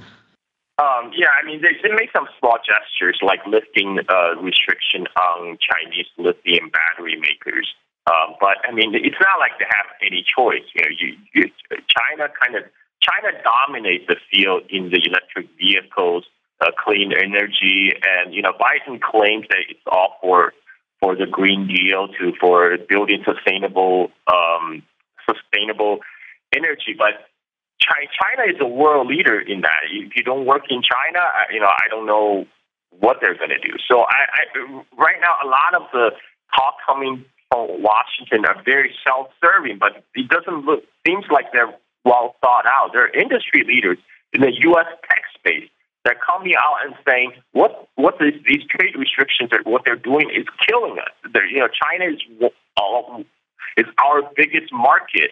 Um, you know, these these people, the policy people in Washington, they have no idea what they're doing. They have no idea what they're doing to hurt the American tech industries. Um, and, and for, unfortunately, you know, that's the, I, I would say the same about the rest of the Ameri- uh, American society. These, these Washington elite are incredibly cut off from the, the reality of average uh, Joe Americans on the street, and and they are you know inside their own bubble making these these policies that have incredibly damaging uh, effects on the rest of us. Yeah. Yeah, certainly a lot at stake here, but we appreciate you joining us and getting up bright and early there to break it all down. Carl Zha, host of the Silk and Steel podcast, thank you so much for your time today. Thank you, Rachel. And that's all for today's show. Be sure that you're following the backstory on Rumble. You can also follow my channel on Rumble, and I'm on Twitter and Telegram at Rach Blevins. Thank you to today's guest and our production staff and our control room over in DC for making this show possible. And of course, thank you to all of you for listening. We'll see you right back here tomorrow on The Backstory.